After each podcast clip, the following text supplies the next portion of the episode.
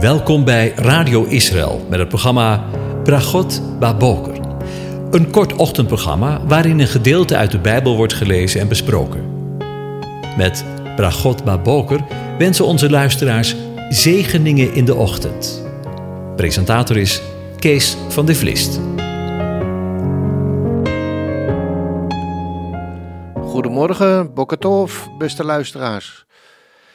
Um, vanmorgen gaan we weer verder met uh, Psalm 99. Nadat we gisteren een uitstapje gemaakt hebben um, naar aanleiding van Jesaja 45.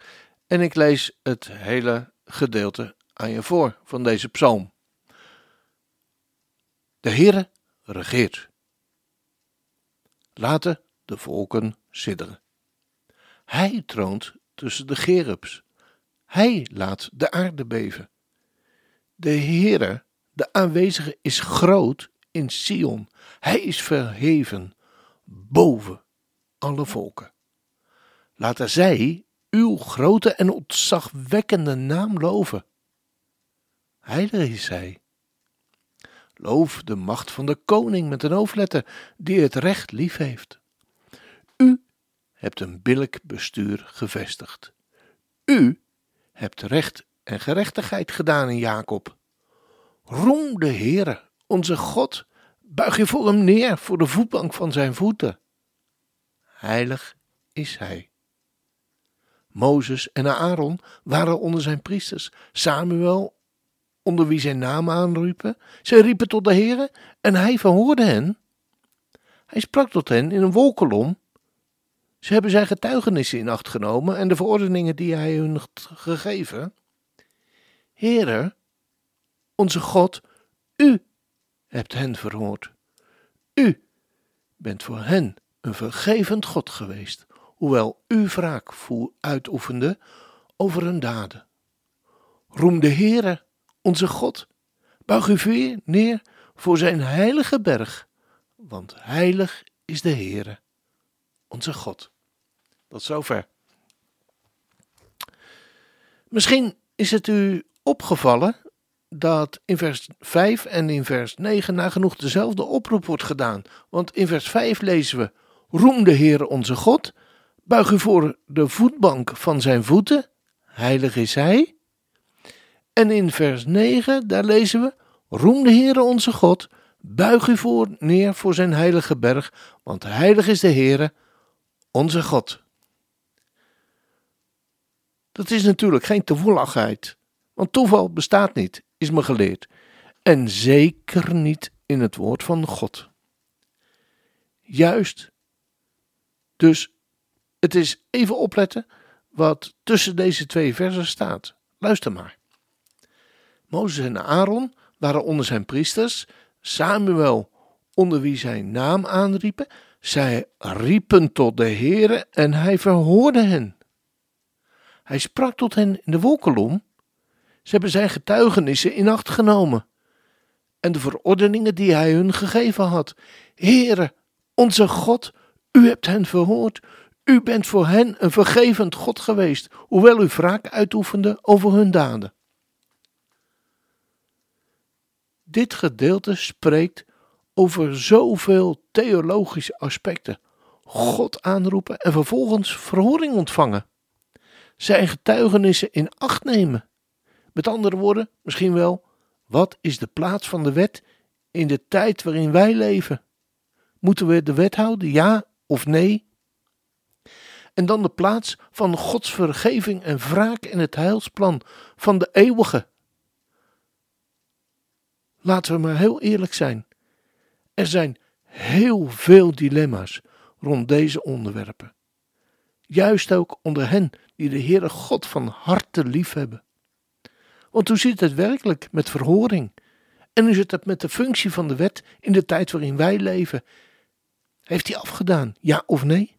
En hoe zit het met de vergeving en de uitoefening van Gods wraak? Juist ook om deze thema's heen zijn misschien wel talloze discussies en hete hoofden ontstaan. En laten we maar niet in de verleden tijd spreken. Ze ontstaan nog steeds. Splitsingen in families, splitsingen in gezinnen, splitsingen in gemeentes.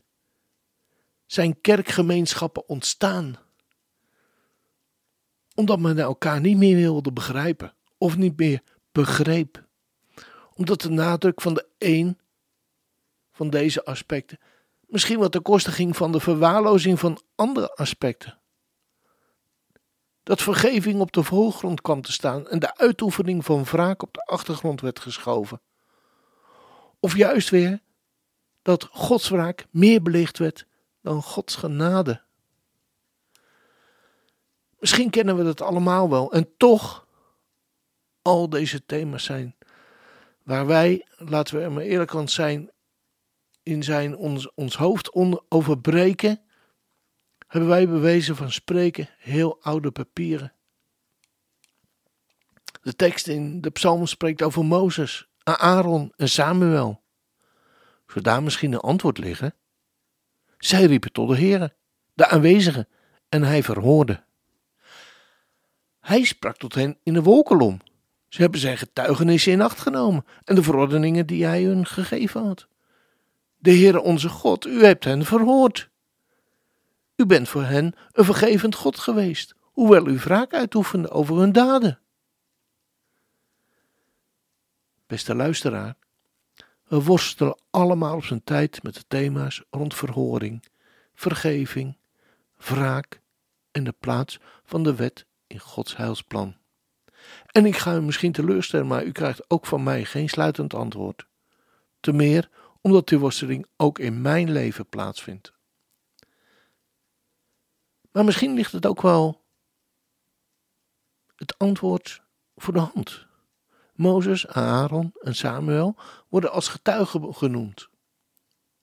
Wanneer we antwoorden zoeken op deze vragen over de verhoring van onze gebeden, als we vragen hebben over de functiewetten van de wet, als we vragen hebben rondom vergeving en als we vragen hebben over de plaats van Gods wraak, zou het dan niet zo kunnen zijn dat we de antwoorden op deze vragen nu juist niet vinden in de levens van deze drie getuigen?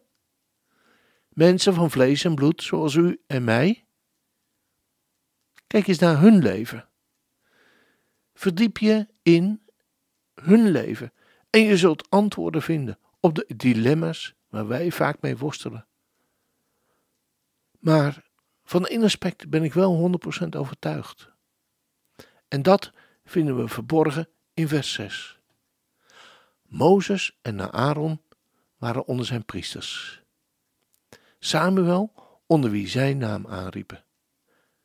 Zij riepen tot de Heere en hij verhoorde hem.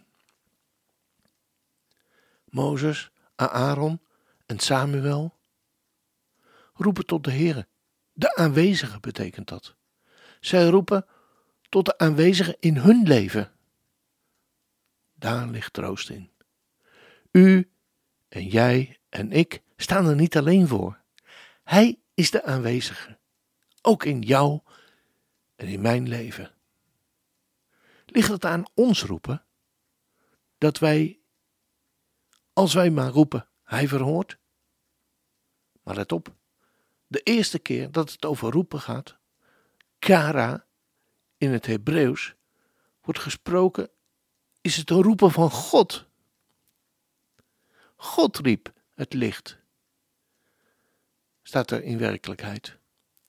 God riep het gewelf, de hemel.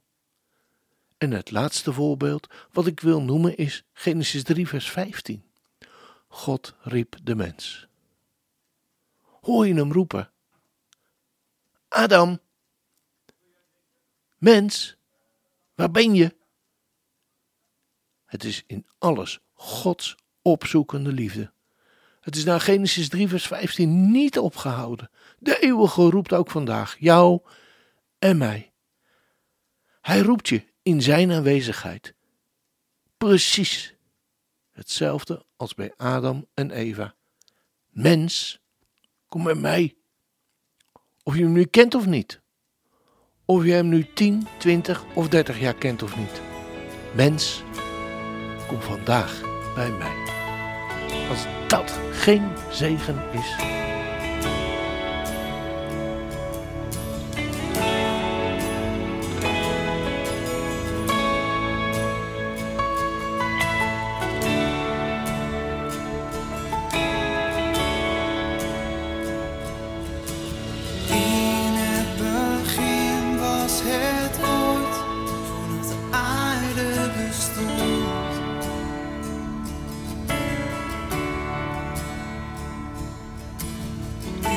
scheiden duister van licht en leven ontstond.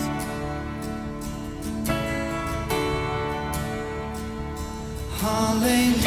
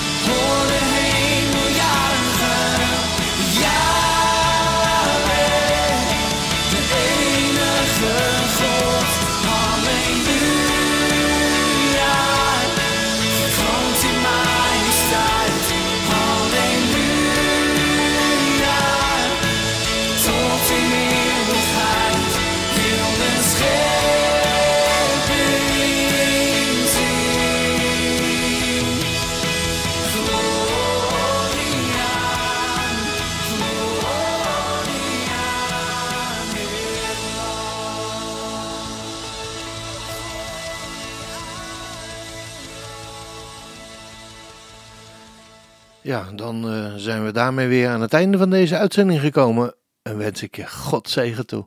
De Heer zegene en hij behoedt je. De Heer doet zijn aangezicht over je lichten. En zij genadig. De Heer verheft zijn aangezicht over je en geeft je zijn vrede. Amen.